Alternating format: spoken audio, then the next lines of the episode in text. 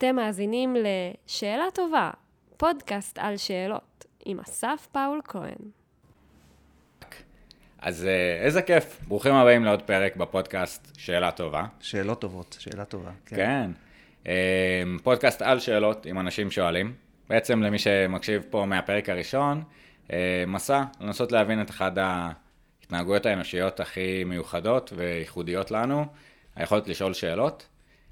מסע אינטרדיסציפלינרי, ככה 60 ומשהו פרקים של שיחות עם אנשי מקצוע, כל אחד מוורטיקל אחר, לנסות להבין מה זאת שאלה, איזה שימוש אפשר לעשות uh, בשאלות, וקצת להתעכב על המקום הזה, כי הרבה פעמים אנחנו עושים את זה בעבודה, או עם הילדים, uh, בן בת זוג, או שואלים את עצמנו שאלות, ואנחנו לא מתעכבים קצת לשהות בזה ולמטה קוגניציה.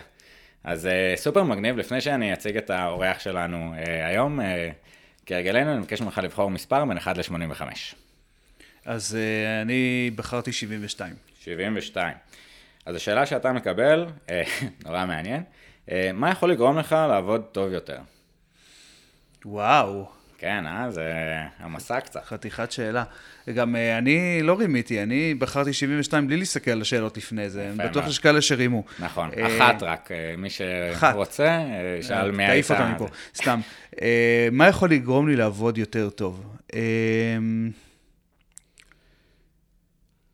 אני לא יודע, כי לעבוד יותר טוב זה גם כאילו, זה, זה כאילו, האם זה יותר פרודוקטיבי, האם זה להגשים את המטרות בזמן שאני עובד, כאילו, יש אה, גם מינוחים שונים לעבודה טובה. Uh, עכשיו, זה מאוד מאוד תלוי גם מה אני אמור לעשות בעבודה הזו. כי למשל עכשיו, לצורך העניין, אם העבודה שלי זה להיות פודקאסטר, אז כדי להיות פודקאסטר יותר טוב, אני צריך סביבה שקטה, ואני צריך גם לשמוע אותך, אבל uh, כדי, uh, אם, אם אני עובד בעבודה שלי, זה כל כך משתנה, כאילו, הדברים שאני עושה, כי יש סיטואציות שאני צריך את השקט שלי, אז אני נשאר בן בבית, ויש סיטואציות שאני צריך את האנשים וקצת להבין, uh, להבין את ההלך רוח כמנהל מוצר וחדשנות, אז אני uh, הולך ומגיע למשרד ומדבר קצת עם אנשים, ואני מאוד מאוד מעריך גם את הפגישות הפיזיות ולא רק את הפגישות בזום. אז אני חושב שהמתכון זה גם וגם וגם וגם. אז, אז זה נורא מעניין, כאילו, אה, איזה כיף, אחלה. אני אנסה קצת לפרק ולחשוב, וגם מהצד שלי. אה, לפעמים אנחנו חושבים ככה, כש, במיוחד שיש שאלה פתוחה ככה, מה יכול לגרום לך לעבוד טוב יותר? אז רגע, מה זה לעבוד, מה זה טוב? אה, ונורא מעניין ללכת אה, בצד האנליטי, וחלק עוד אה, בפרק אה, נגדיר ונבין. אה, אז, אז באמת חלק זה המרכיבים הפיזיים, ובין אם אה, היברידי בחדר, בין אם אנחנו צריכים את ה face to face, בין אם אפשר offline, אה, אבל עדיין אני אקשה עליך. 85 שאלות, חלק מהרעיון זה שאין תשובה נכונה או לא נכונה. Mm-hmm. וזה בסדר, ולכל אחד יש את התשובה שבו היא פוגשת, ולפעמים, כשזה מרגיש או נראה שאין תשובה, זה כי יש כמה תשובות שעלו. וזה בסדר לתת לגיטימציה לאחת מהן. אז, אז זה נכון שהעבודה משתנה מקצה לקצה להרבה, אבל אם אתה חושב על מרכיב אחד אצלך בעבודה שהוא אה, פקטור משמעותי, שיכול לעזור לך להיות יותר מרוצה. וואי, עכשיו להבין מה אני עושה. כי הרבה פעמים ככה אנחנו עובדים ואנחנו חושבים שאנחנו פרודוקטיביים ואנחנו תכלס על איזשהו טריפ כזה שאנחנו הולכים לאיזשהו משהו ולא מספיק בודקים כאילו מה אנחנו בעצם עושים. Mm-hmm.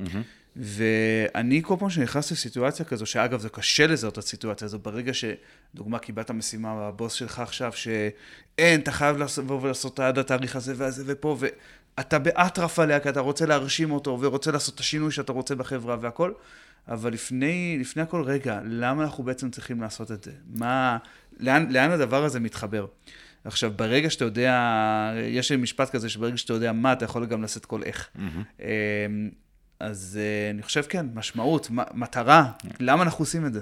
אדיר, אז, אז באמת בעוד שאלה של אה, להקשות, uh, הגענו לשאלות, ו, uh, ואני חושב שזה, גם לי, כאילו, התשובה שלי עלתה זה איזשהו קלריטי, להבין כאילו, uh, בין אפקטיביות לפרודקטיביות, זה באמת הרבה פעמים המקום ב- לעשות הרבה תפוקות, ללעשות uh, תפוקות uh, מדויקות או, או נכונות, או להבין איפה האימפקט, אז יאללה, התחברתי מאוד.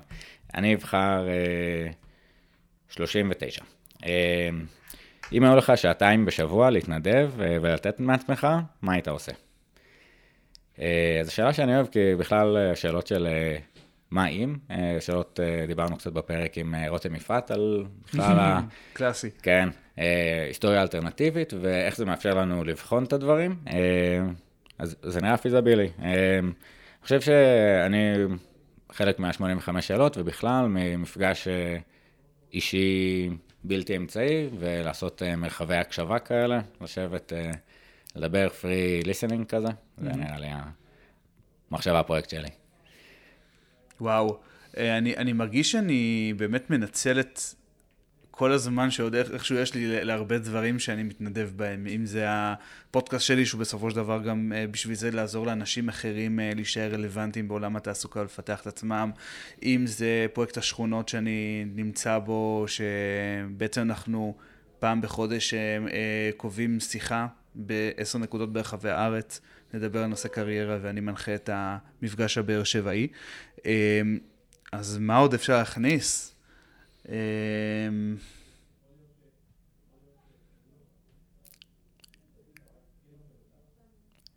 אין לי תשובה, וואו, אין לי כן. תשובה טובה כרגע. אני חושב שגם לפעמים אה, לשהות בזה אה, ולהישאר עם השאלה, זה, זה אחלה. אה, יש את ה... אה, מין סיפור כזה על אה, ניהול זמן ואיפה אתה יכול להכניס עוד זמן. הרי לכולנו יש 24 שעות, מגיע לכנס מנהלים כזה, CEO עם כל הגדולים בעולם, איזשהו מרצה על ניהול זמן, והוא בא, לא מדבר יותר מדי, אה, שם אקווריום על השולחן, נספר את זה מהר כי בטח הרבה מכירים, אה, ומתחיל להניח אבנים גדולות אה, עד שה... האקווריום- הגדולות, האבנים הקטנות. בדיוק. כן. אה, ממלא, ובסוף עוד מים וזה, אז השאלה היא לא בטח איפה יש לנו עוד אה, זמן בין בלילה להתנדב, ואולי לעשות איזה זה, אלא רגע לשעות, אם הייתי יכול להכניס אבן גדולה, מה היא הייתה? מגניב לאללה, איזה כיף. אז, אז איתנו במסע היום אה, טל מוסקוביץ'. אה, כיום- שלום. שלומות, איזה כיף. מה קורה? אה, אז זה באמת, ההצגה הזאת, אני מאוד אה, אתן קצת אה, בקורות חיים, אה, מי איתנו היום ועל מה אנחנו נדבר, אה, אבל יש משהו שהוא נורא אה, מוגבל ולא לא מכיל את הכל אה, בקורות חיים כאלה או בביו קצר, אה, וננסה בזמן שיש לנו גם להבין מה אומר הדברים האלה ואיך הגעת לנקודה הזאת והמסע, חלק המעניין. אז כמו שאמרנו, טל מוסקוביץ', אה, כיום אה, מנהל מוצר בקבוצת שטראוס, אה, בעברו קצין טכנולוגי וכיום קצין טכנולוגי במיל, יוצר את הפודקאסט Skills, מיומנויות בעולם החדש וכיצד ללמוד אותם. ולפני הכל, אני מכיר אותו כ-lifelong learner, וגם בעל החולצות הצבעוניות שסחטיין. לגמרי. מגוון, מגוון. זה...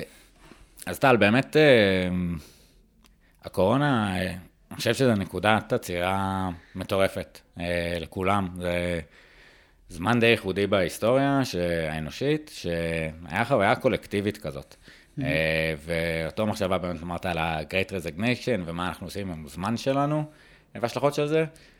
קורה לכולם בעולם באותו זמן, סגרים, שינוי, באמת אה, קיצוני, נכון. ודברים טובים, זום, וגם הצבא עובד וכאלה, אבל באמת, רגע, מה עושים? אז אמרת, סגרת את הפודקאסט אה, הקודם שעשית, מנסים לחשוב מה הדבר הזה, ומה אני עושה עם כל הזמן, כאילו, אלה השאלות, איפה... כן. נכון. אז uh, סגרתי קודם כל את הפודקאסט הקודם שלי, uh, כי הוא עסק בחינוך ולא הרגשתי שהוא תורם uh, למציאות החדשה.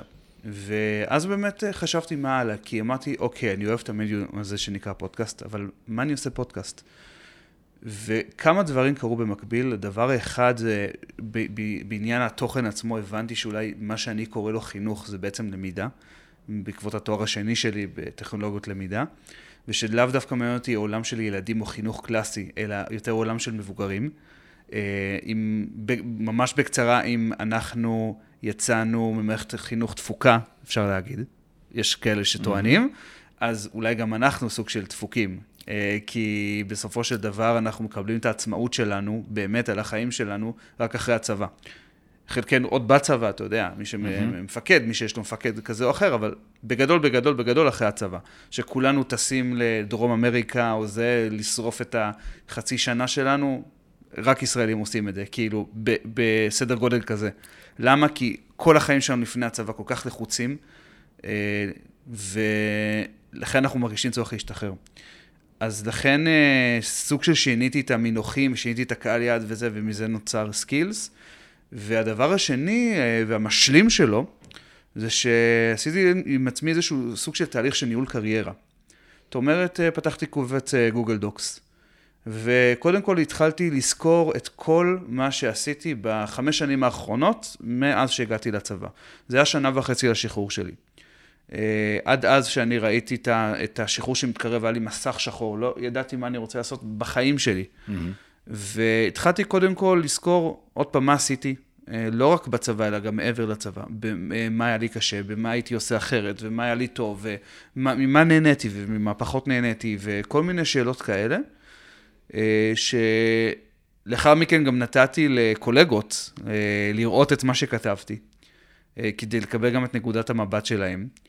אה, והייתה איזו הרצאת זום במהלך הקורונה שדיברה על תהליך כזה, פשוט אמרתי, יאללה, בוא ניישם את זה, זה בטוח יהיה, יהיה טוב. ולמדתי הרבה על מה שאני רוצה לעשות הלאה. וכשהשתחררתי, אז באמת המטרה הייתה להיות מנהל מוצר, ואני הגעתי לשטראוס, להיות מנהל מוצר וחדשנות.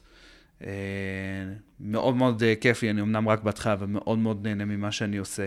בגדול אנחנו אה, חותרים אה, לקראת אה, שינוי אסטרטגי של שטראוס, להפוך אותה מחברה שאנחנו שומעים שטראוס אולי קצת ותיקה וקיימת הרבה שנים, אלא לתת לה רוח חדשה של חדשנות וטכנולוגיה, במטרה לשמור אותה תחרותית גם בשנים הבאות, בעולם שבו הצרכים משתנים של הלקוחות, בעולם שבו השינויים ה...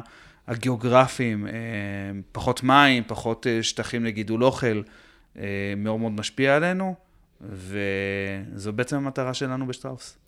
מגניב, אז, אז נצלול באמת עוד לשטראוס ו, וחדשנות, אני חושב שזה נקודות כאילו מטורפות, אני נשאר, נגיע לחדשנות דרך יאללה. הקיבעון של, של, של מערכת החינוך. אז uh, אנחנו ב, בהרבה מקומות uh, עם בטן מלאה על מערכת החינוך, ואומרים מה הקשר ל... לחפוף משולשים, והנה הם מורידים אה, כל מיני אה, תהליכי שינון בבתי ספר, אבל אה, חלק מהמערכת הזאת היא, הבעייתיות לשנות אותה, היא שזו ספינה נורא כבדה. וגם התוצר של המורים, המורים הם תוצר של אותה מערכת. אז זה בעצם משהו של סטטוס קוו שנורא נורא מזין את עצמו. בטח. והרבה שאלות שלא נשאלות, איזה שהן הנחות מוצא, כמו שיעור של 45 דקות בכיתה. למה? כי ככה תמיד עשינו. אה, אז הנקודה שאמרת, שאני חושב שדרך כמה שאלות, אה, לפרוץ את גבולות החינוך ולשנות מחינוך ללמידה ומי... זה שכשאתה נכנס למערכת החינוך בכיתה א' אה, עד י"ב, זה תהליך הלמידה שלך והצמיחה. להבנה, במיוחד בעולם שלנו עכשיו, של קריירה שנייה ושלישית ותוך כדי, ל-lifelong learning, ומה זה למידה ומה זה skills. אז אז בואו נדבר על הטרנספורמציה הזאת, מה, מה בין חינוך אה, ללמידה ומה הם בעצם skills, אה, או מה ההבדל בין skills ל-hard skills ל-soft skills, אני mm-hmm. אתן על זה עוד קצת, אבל כן, המהפכה הזאת מבחינתי זה מהפכה של שאלות טרנספורמטיביות, אז בואו נשאר שם. יאללה. אז קודם כל, הלוואי ומערכת החינוך הייתה ספינה, כי ספינה יכולה לשוט לאנשהו. זאת אומרת שספינה, ספינה, mm-hmm. גם שהיא מאוד מאוד גדולה, היא עדיין שטה לאנשהו. אבל uh, נראה שמערכת החינוך היא אולי ספינה שמקורקעת, או, או ספינה שמחוברת לאיזה אי גדול ופשוט לא יכולה לסחוב את עצמה. Uh, כי זה פשוט לא הגיוני שההורים שלנו ואנחנו למדנו באותו אופן. כאילו, משהו פה לא, לא הגיוני. וקטונתי באמת להתעסק במורכבות כן. במערכת החינוך. הדבר היחידי שאני רוצה להגיד פה, זה שהאחרונים שאשמים פה, זה המורים, שצריך לבוא ולהגיד להם תודה על זה שהם, אה, שהם הולכים לקריירה מורכבת, קריירה שלאו דווקא הם יהיו האנשים הכי אה, מוערכים בה, שלאו דווקא משתלמת כלכלית, מתוך שליחות אמיתית, אה, לבוא ולחנך את הדור הבא, ועל זה צריך להגיד להם תודה רבה. כן. ולהבין שהם בסופו של דבר הקורבנות של אותה מערכת. Oh, בגלל זה אני מדבר על השינוי אה, מדיניות או אסטרטגיה, הכנסת טכנולוגיות, זאת אומרת, אנחנו כיתה חכמה, היפוכי למידה, אה, PBL, התשוב, uh, התשובה... social emotion learning, יש כן. כל מיני תיאוריות חדשות ו- וניסויים. נכון. המקום של, אני חושב, יש ספר של גד יאיר מעולה מחוויות מפתח לנקודות מפנה. אה, והרגעים האלה בחיים, שזה יכול להיות הקורונה שהיא טרנספורמטיבית, או שיחה עם אה, אבא, או חוויה בצבא, או חוויה עם מורה, אה, ולהצליח, גם עם הצניעות האפיסטמית קצת של, אתה חלק במסע של אותו תלמיד, את הזכות ללוות אותו איזה שנתיים, ולשאול את השאלות האלה ולראות אותו, ומשם אז באמת מורים על הכיפאק, מאוד אוהבים. כן, לגמרי ככה. יש המון תיאוריות, שמע, עצם זה שיש אה, המון תיאוריות זה קצת כמו שאנחנו חווים פומו. אה, יש כל כך הרבה דברים בעולם שלנו וכל אחד יש לו מה להגיד. אה, צריך להתייחס לכל דבר, זה יחסית בצניעות. אגב, גם לה, להכנסה של טכנולוגיה. לא בטוח שהתשובה היא טכנולוגיה, אנחנו מאוד מאוד אוהבים ומתאהבים בפתרונות טכנולוגיים. לאו דווקא זו המטרה. קודם כל זה הפדגוגיה, קודם כל זה בעצם המטרה החינוכית, זה מה בעצם באנו לעשות פה.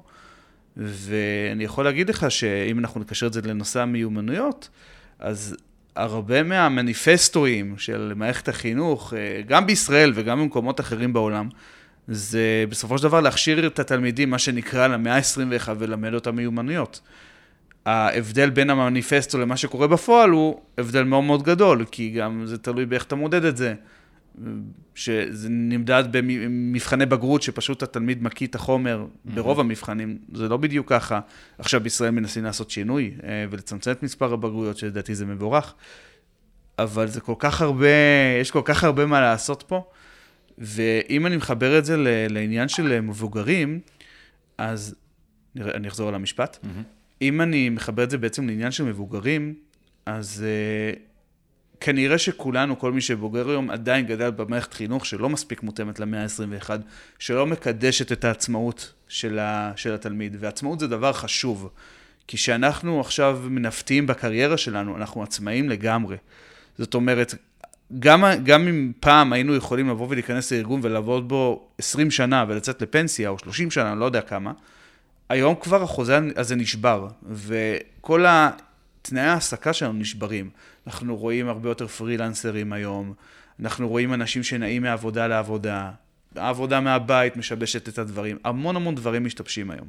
ובסופו של דבר אנחנו אדון לעצמנו, אנחנו כביכול הפכנו לסוג של מוצר, אנחנו כביכול אה, רוצים לגלגל את עצמנו במהלך הקריירה ולא להתגלגל אה, ולא, ו, ולקחת חזרה את האחריות אלינו.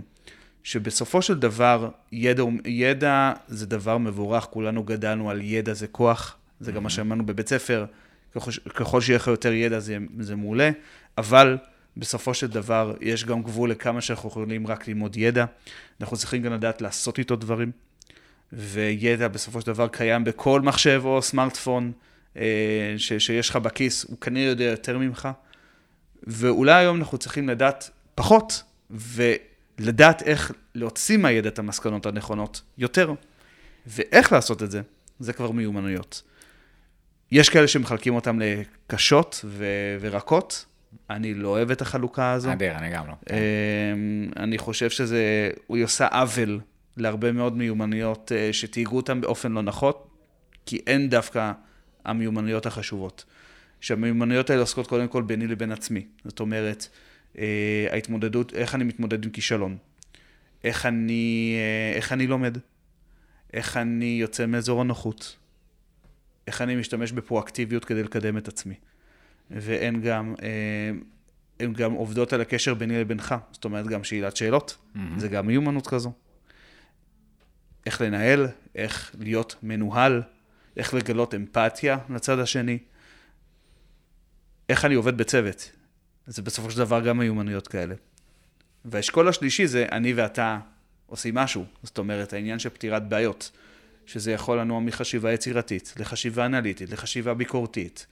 וכל היכולת שלנו להסתכל על אותה בעיה מזוויות שונות, mm-hmm. ולמצוא להם פתרונות שונים, ולשלב כוחות ביחד כדי למצוא פתרונות מגוונים, כי הבעיות שלנו היום הן... לא תמיד מוגדרות היטב. זוכר את השאלה הראשונה שרצינו מטרה? ומה שאנחנו עושים? כן. אה, פה, פה זה בעיה, כי לא תמיד אנחנו יודעים לאן אנחנו הולכים. לפעמים יש סיטואציה וצריך לנהל אותה. קורונה, אני, מישהו יודע לאן הולכים? לא. אז ניסוי חיסונים לא הלך, ניסוי משהו אחר. לא תמיד אנחנו יודעים מה אנחנו באמת מנסים לעשות, וזה העולם היום. כן, אז, אז יש פה באמת ריבוי ידע וריבוי נתונים וברבורים אה, שחורים שאנחנו לא יודעים אה, איך אנחנו יכולים אה, לצפות אותם. אני חושב שזה כן המקומות לעצור ולחשוב ולראות איך, איך אנחנו מנהלים, דיברנו בפרק עם בני רייך על קצת ניהול מדיניות כמנהל מוצר, ואיפה אנחנו עושים את ה-AB testing ואיפה אנחנו לומדים, אבל ההבנה היא שכן, המציאות תהיה כאוטית ואנחנו צריכים ביחד לנסות להבין אותה. אני, אני אשתף טל, אני נתקלתי במונח של אה, מיומנויות ויכולות גם קצת לאורך אה, הלימודים, למדתי פסיכולוגיה חברתית ארגונית, mm-hmm. ובאחד התהליכים שעשיתי עם חברה שנקראת פיץ' קרייר, הם ניסו לבנות איזשהו מודל שמודד skills מראיונות מרחוק, כל מיני תהליכים כאלה. אז היה נורא מעניין לנסות לשהות בכלל במושג התיאורטי הזה, ו skills שנדרשים במאה ה-21 וכל מיני מושגים כאלה, אז... אז, אה, אז שם באמת פגשתי את השאלת שאלות כ, כמונח וכמושג ומשהו שנחשב טוב שצריך להשתפר בו ולנסות לשאול מה זה שאלת שאלות ואיך אנחנו משתפרים בזה. אז טוב, אני, אני כן אתפתה ואני אכניס את זה כאן. אה, אז דיברנו על הגדרות, דיברנו על skills, דיברנו על שאלות, אבל מה זה בעצם לדעתך שאלה?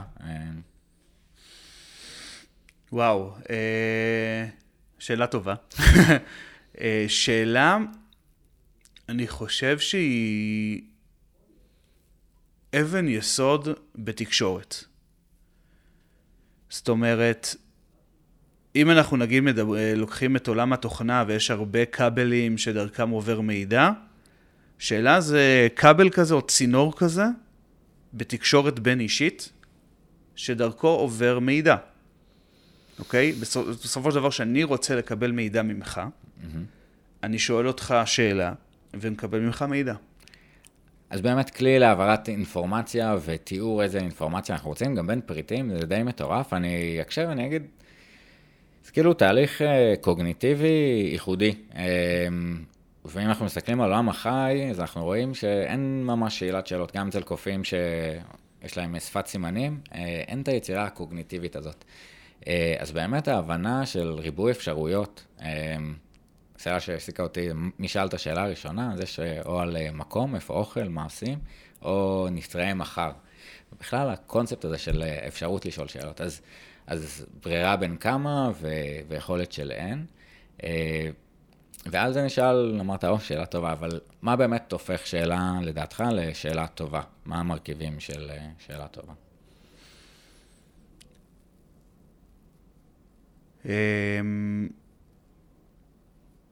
אני חושב שזה תלוי גם בסיטואציה או במה אתה רוצה לדעת, כי יכול להיות שמה נשמע זו שאלה טובה, אבל בסיטואציה אחרת זו שאלה לא טובה.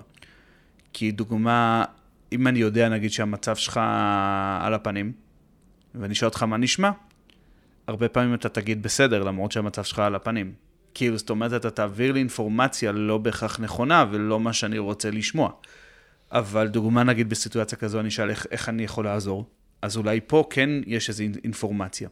אני חושב שהדבר הראשון זה בעצם להתאים את השאלה לסיטואציה.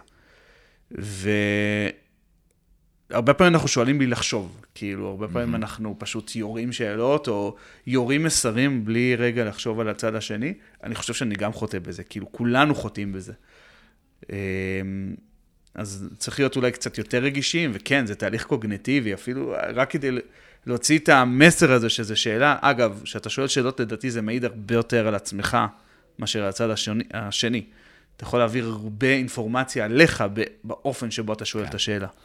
כן, אז גם וולטר אמר, judge a man by his questions and not by his answers, ובאמת מה מעניין אותו לדעת, וסופר אה, אינפורמטיבי, גם ברעיונות, אה, שלב של של סוף הרעיון, איזה שאלות הם רוצים לשאול.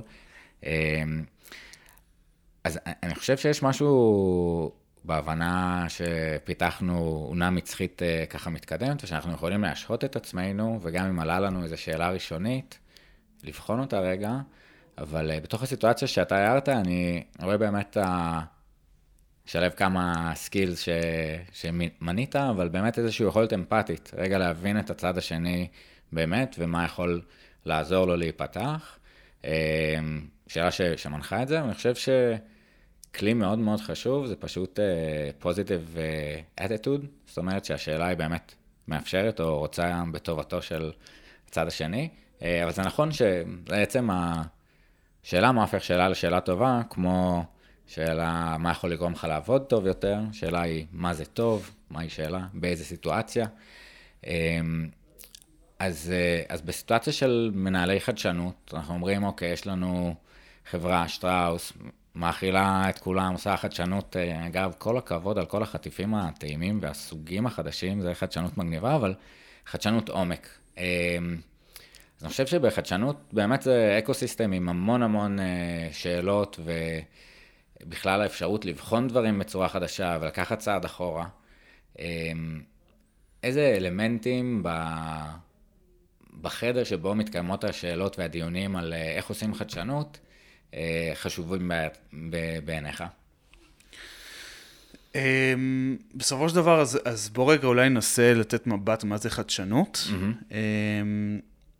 אני חושב שבסופו של דבר חדשנות זה איזשהו מנוע לסוג של שינוי ארגוני או שינוי תרבותי, אה, במטרה להשיג משהו. כאילו בחדשנות שאני מתעסק בה בשטראוס, חדשנות יכול להיות בהרבה מאוד תחומים, זה יכול להיות חדשנות בטכנולוגיה, אוקיי? בסופו של דבר, דוגמה, חדשנות זה בעצם לבוא ולעשות איזושהי טרנספורמציה, לברוא איזשהו רעיון חדש, אוקיי?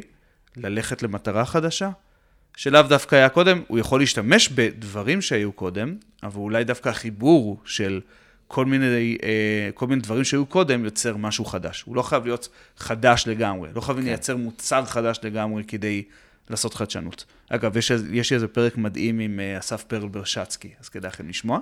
אולי נשים לינק. אמ, ובהקשר הזה, אז בגלל שהחדשנות שלנו מתעסקת יותר בתרבות, אז אנחנו רוצים להכיר את התרבות של שטראוס, להבין רגע מה מייחד את העובדים של שטראוס.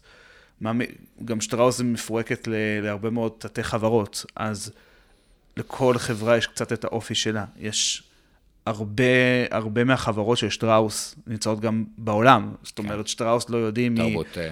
כן, גלובלית. היא אולי, אה, ב, היא בטוח בחמש חברות הקפה הכי מובילות בעולם, במיוחד בברזיל, שזה מדינת הקפה, לא יודעים את זה. זה הכל בזכות שיתופי הפעולה הגלובליים של שטראוס עם חברות מקומיות. אה, אז כל חברה כזו יש את התרבות שלה, ואנחנו רוצים להכיר את התרבות הזו.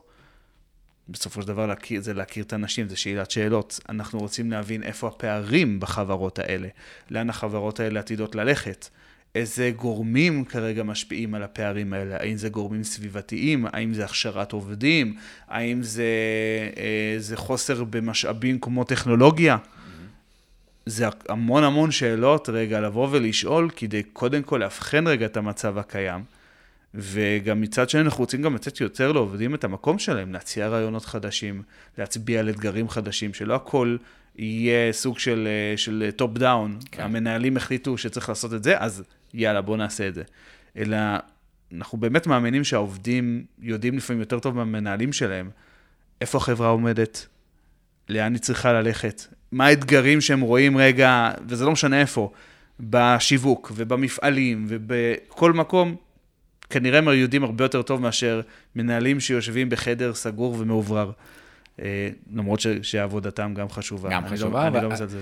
באמת, אה, כאילו בהשאלה של אה, איזה שהם מערכות חישה, אז המנהלים יותר רחוקים מהיום-יום. השאלה, וזה ככה פנטזיה של כל ארגון, שלעובדים יהיה אכפת, ושהם יגידו, ושהם יעלו את הדברים למעלה. Uh, הרבה פעמים זה, זה נעלם כי אין uh, מספיק מחוברות או תחושה של, uh, שמקשיבים. אז בתוך היציאה הזאת למהלך ארגוני, uh, להבין את העובדים, אז אחד מעניין אותי איזה סוג שאלות מאפשרות הבנה של תרבות או של אותו עובד ספציפי, uh, ואז אני אשאל את השאלה הבאה. אמ, תראה, קודם כל בשטראוס, שטראוס יש לה מסורת של חדשנות. זאת אומרת, חדשנות שהיא עוסקת ממש גם בפיתוח של מוצרים חדשים ופיתוח של עסקים חדשים. אם שמעת לאחרונה על דלישס, אה, שזה עסק חדש של שטראוס, ומלא עסקים שכאילו, מלא מוצרים חדשים שאנחנו בונים גם באזור הקפה נגיד, אה, ולאחרונה אנחנו מייצרים אפילו אה, מכונה לייצור חומוס, כאילו, כל מיני דברים מטורפים, שבסופו של דבר חלקם מגיעים גם מהעובדים, זאת אומרת, יש פה משהו שעובד, אתה מבין? כן, אני, אני, אה, לגמרי, כאילו, וגם יש אה, רמות שונות של אה, חדשנות או יצירתיות. אתה יודע, אתה יכול להגיד, וואי, מקופלת, איזה מגניב, ומילקי, רגע, זה שלכם מילקי ו... בטח. כן, אדיר.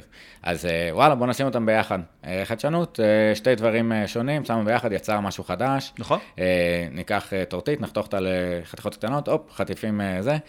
סופר מגניב, ויש טרנספורמציות או חדשנות שהן, חדשנות טרנספורמטיבית, שקצת אה, הסקופ אה, הוא שונה. וכאילו, ככל שזווית ההסתכלות או זווית ההשפעה שאתה מאפשר לתהליך החדשנות, מאפשר באמת לערבב יותר אה, מרכיבים ולראות איך הם מסתדרים אחרת. זאת אומרת, לא רק אה, ניקח... אה, לא יודע מה, אה, מוצרים משלימים ונייצר אה, עוד מוצרים, אלא ש...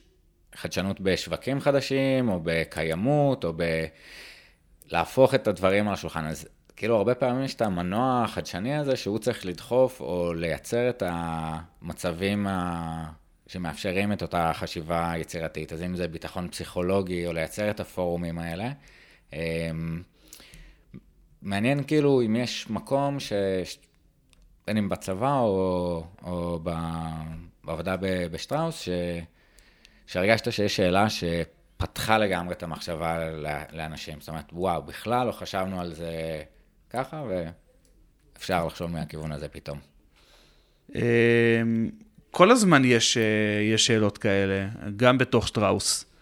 מן הסתם, אני, אני, אני לא, לאו דווקא יכול לחשוף את השאלות, אבל באמת אה, הרעיון זה לשאול שאלות כאלה שרגע אולי מפוצצות איזה הנחת יסוד. אה, למשל, אנחנו, האם אנחנו חייבים לעשות את זה רק בדרך הזו? ומה אם בתוך כל סט המאפיינים או סט המשתנים מעיפים איזשהו משתנה אחד מהמשוואה? Mm-hmm. שלפעמים זה קל לעשות, רגע, מה אם היה לך את כל הכסף בעולם, על מה היית הולך? כי הרבה פעמים כסף הוא איזשהו משתנה שאנחנו... מגבילים את החשיבה. מגבילים. אם, אם היית מוותר על הזמן, יש לך את כל הזמן שאתה, שאתה רוצה, לאן היית מגיע? אנשים, כמה אנשים, כמה אנשים אתה צריך? כן. זה מגבלה אצלך, וזה לפעמים, זה לא רק זה, לפעמים זה גם שיטה מסוימת שבה עובדים, ובארגונים מאוד מאוד ותיקים, יחד עם, עם זה שיש חדשנות, יש גם הרבה פעמים כזה, אוקיי, ככה הארגון עובד, אז בוא נעשה את הדברים בדרך הזו. וקשה לפעמים רגע לבוא ולזוז. כן, אני, אני שואל את זה, כאילו, אתה יודע, להקשות עליך דווקא מהמקום של ה-lifelong learner, כי אנחנו לא אוהבים חדשנות, כאילו המוח שלנו באיזשהו מקום עצלן. נכון. מצאנו כבר פתרון והוא עובד, ו... אז יש פתרון שאנחנו יכולים להשקיע, וחצי שנה של R&D, ויהיה לזה אולי איזה שהן אה, הצלחות מאוד מאוד גדולות, זה באמת אגב ההצלחה האנושית של להבין שיגיע מחר ושווה להשקיע עליו. אה, ו... ואני חושב שהנקודה המאוד יפה שהערת, זה אימא שלי הייתה אומרת לעובדים, יותר תחשבו בזהב ואני אדאג לכסף. זאת אומרת, להוריד את הקו מחשבה של להוציא את זה בחוברת דקה, אם אתם רוצים, תעשו את זה hard cover לפי איך שהכי צריך. ומצד שני, השאלה מהכיוון השני של שאלת החסרה. זאת אומרת, אם אנחנו לוקחים מרכיב סופר חשוב במוצר שלנו ומחסירים אותו, מה קורה? אז זה יכול להיות, נדבקנו למילקי, אבל ניקח את המילקי ונוריד את השוקולד, מה קיבלנו? מילקי קצפת, מגניב. ניקח את האייפוד ונוריד ממנו את המסך, מה קיבלנו? אייפד שפל וטירוף, כאילו שוק טרפת של, של אפל, של באמת נכון. משאלת החסרה, או אם אנחנו לוקחים, דיברנו על בית ספר, לוקחים בית ספר ועושים יום אחד שלא מגיעים לבית ספר אפשרי. אם היינו מקליטים את הפרק הזה לפני שנתיים, זה היה כזה. ניסוי מחשבתי הזוי, ועכשיו אולי, או יום בלי תיקים, מה עושים עם זה? בוא, בוא נדבר על זה שאם אתה לוקח אותי 20 שנה אחורה, היית צריך לצאת מהבית עם ארנק, עם מפתח, נניח שאז טלפונים, אוקיי, אז לא 20 שנה, 10 שנים, בסדר? או, או 6 שנים, 7 שנים, והיום כנראה אתה יכול לצאת מהבית רק עם שעון, כאילו... כי בשעון בטח uh, יש טכנולוגיות כאלה לעשירים בלבד, שאתה יכול איתו, איתו לפתוח את הבית, אתה יכול איתו כבר לשלם בתחבורה ציבורית, אתה יכול לקבל, לקבל שיחות, אתה יכול לשלם איתו, כאילו, אתה יכול לעשות הכל. אז הנה, זה, זה איזושהי מגמה של צמצום, של בוא תצא הכי מינימלי שאתה יכול, כאילו, שאתה לא צריך את כל הדברים האלה. מדהים, ו- וכאילו אני מחבר את זה, אנחנו מקליטים פה בבית אריאלה, נפנה לפרק עם כרמל וייסמן שהקלטתי פה. דיברנו על משהו ממש מגניב, שהאמת אה, והחדשנות נמצאת כבר, אבל אה, יותר בקבוצות אה, שוליים. אה, אז אם זה עבודה מהבית, והמחקר, עשינו עכשיו אה, איזשהו מחקר על אה, עבודה היברידית ולנסות להבין, אבל זה משהו שלא נחת עלינו מהקורונה. זה משהו שהיה קיים, פשוט באוכלוסיות קצה כאלה יותר. אז השעון החכם שאנחנו יכולים בלעדיו, יש איזה צ'יפ כזה שמכניסים פה, נשים גם... אה, נכון, NFC, וואי, ראיתי את הדבר הזה. טרפת מזמן כזה, ואתה אומר, סופר, אה, בשלב הזה, טרפת, לאן העולם הגיע, מחדיר לעצמו צ'יפ, ועכשיו אתה מסתובב עם ה Apple Pay או ה Google Pay אה, למיניהם. אתה לקראת ככה באמת סגירה, מעניין אותי לשהות במקום הזה של הקלות שלא ללמוד. Mm-hmm. קיבלנו חותמת, עשינו את הבגרות, אפילו עשינו איזה תואר, קיבלנו את החותמת. איזה קשה זה ללמוד, ועוד ללמוד כל הזמן ולחדש כל הזמן. איך עושים את זה? כאילו, מאיפה המוטיבציה לשנות ולערבל ולהפוך את זה לצבעוני ולגדול כל הזמן? קודם כל, להפוך את זה לצבעוני, חולצות צבעוניות עוזרות. אמ, תראה, אני חושב, כמו שאמרת, אנחנו סוג של יצורים פרה-היסטוריים כאלה. שפעם, באמת כל העניין הזה של לשמור על האזור הנוחות, לשמור על הגחלת, על, ה, על המשפחתיות, ואני לא יודע איפה היינו אז, על העץ, במערה, אה, אני לא יודע מה. יש אפילו גם סיפורים שבני אדם לא באמת גרו במערות, כי זה היה אזור אפלולי וקר מדי, אז, mm-hmm. אז צריך לשים את זה בספק גם את זה. אה, אבל עניין של, של רגע, אה, עניין של פחד, אוקיי? שנועד בסופו של דבר לקבע את עצמך באזור הנוחות, ובמטרה לחיות. אבל היוצרות התהפכו לגמרי. זאת אומרת, שמי שהיום נשאר באזור הנוחות שלו, הסיכוי שלו באמת להמשיך לחיות או להמשיך לשגשג, אני לא אגיד שהוא לא קיים, אבל הוא משמעותית יותר נמוך. כי בסופו של דבר אנחנו במציאות, במיוחד בישראל, שכל שנייה הקרקע נש... נשמטת לנו מתחת לרגליים. ומספיק רק להסתכל על הקורונה, ושתוך כדי היה מלחמה, והיה בחירות, והיה, אני לא יודע מה עכשיו, יש עוד איזה פתאום אה, עלייה ב... אה, בפיגועים, או אני לא יודע מה, כל שנייה פה הקרקע נשמטת מתחת לרגליים, מכריחה את עצמנו לנוע ולזוז. אז דווקא היום, אולי אזור נוחות שלנו זה לסמוך על עצמנו ועל היכולות למידה שלנו ולהתקדם. כי אין לנו ברירה אחרת. בסופו של דבר אנחנו יכולים להיות שנים באיזשהו מקצוע, אפילו מתכנתים, אפילו כאילו אנשים בהייטק על גג העולם, אם הם לא ימשיכו ללמוד, אם הם לא ימשיכו ולהביא עוד שיטות, ואולי להתקדם, לא יודע, שפת תכנות הבאה, או אה, אה להבין רגע עסקים חדשים, כי כל שנייה יש שינויים טכנולוגיים. ה-NFT וכל הדברים האלה שקורים עכשיו מעלינו איפשהו, עוד מעט זה יהיה על השולחן. מטאוורס. כן, עוד מעט זה יהיה על השולחן, וזה טכנולוגיות אחרות לגמרי מאשר שמתכנת היום אה, נתקל בהם, כל מיני קריפטו וכל מיני דברים מתוחכמים כאלה, שבסופו של דבר אנשים צריכים ללמוד אותם, והם לא יתקדמו לשם, שאולי זהו יהיה העולם של מחר. הם לא יעשו כנראה כלום, כי המיומנויות שלהם ומה שהם למדו, וזה לא משנה שהם למדו תואר, לא יהיה רלוונטי כן. לתפקיד הנוכחי שלהם. וזה הזוי. Uh, לגמרי, כאילו הרצף שינויים והקצב והשינויים אה, מצריך אותנו באמת uh, להשתנות ולהתאים. אני התחברתי למה שאמרת באמת מכמה כיוונים, uh, בפרק עם גורן גורדון, הוא דיבר על uh, מחקר נורא מגניב, על סקרנות אצל עכברים. Uh, וזה באמת איזשהו יציאה מאזור הנוחות, אתה יוצא מהמאורה, לומד, לומד, לומד, נתקף פחד, יש יותר מדי גירויים, חוזר חזרה. את ה... איזשהו תהליך כזה של אה, למידה, למידה, עיבוד של זה, אה, overwhelm של המערכת, ואני מחבר למקום של הלמידה מכישלון, וכשגם דיברת, הפחד הזה לעשות, אה, נתקלתי בשאלה נורא יפה באיזה סדנה ללמידה מכישלון של מישהי ששמה לעצמה ליד ל-100 כישלונות מקצועיים. ואז אתה מחפש את הגירוי הזה, אתה לא חווה את הדחייה ואת הכאב הנפשי, פגיעה באגו, פגיעה ביכולות, אלא מחפש אה, את ה... לקבל את הדחייה הזאת, והבנה ששום דבר לא נופל. מקסימום אתה מקבל את העוד חוויה הזאת. אה, מתחבר לאדם הקדמון שאמרת. כן. אה, נראה לי מגניב שכן אולי באיזשהו מקום פיצחנו את ה... אה, מרוץ האבולוציוני. אנחנו יכולים באיזשהו מקום להיות באזור נוחות ולחיות במרחב הזה שלנו. איזה מגניב לבחור שלא, אה, ו- וללמוד ולהתפתח, לאו דווקא לתכלית לעבודה, שזה גם מאוד מאוד חשוב, אה, איזושהי למידה מכוונת ולשייף את הכלי שלנו כל הזמן, אבל גם ככה, ניקח מתכלית העליונה של אריסטו, פשוט ללמוד, פשוט להגות ולשאול שאלות. קודם כל זה גם כיף, כאילו, זה כיף ללמוד. לא, בדיוק, לדעת יותר, להבין את העולם, יותר מזה. אה, טל, אז המון תודה על ה-lifelong learning ועל כל המחשבות על שאלות ובכלל העשייה שעשית, נפנה אה, לפודקאסט המצוין, אה, ויאללה, איזה כיף, תודה רבה. באהבה, היה לי כיף. שלומות.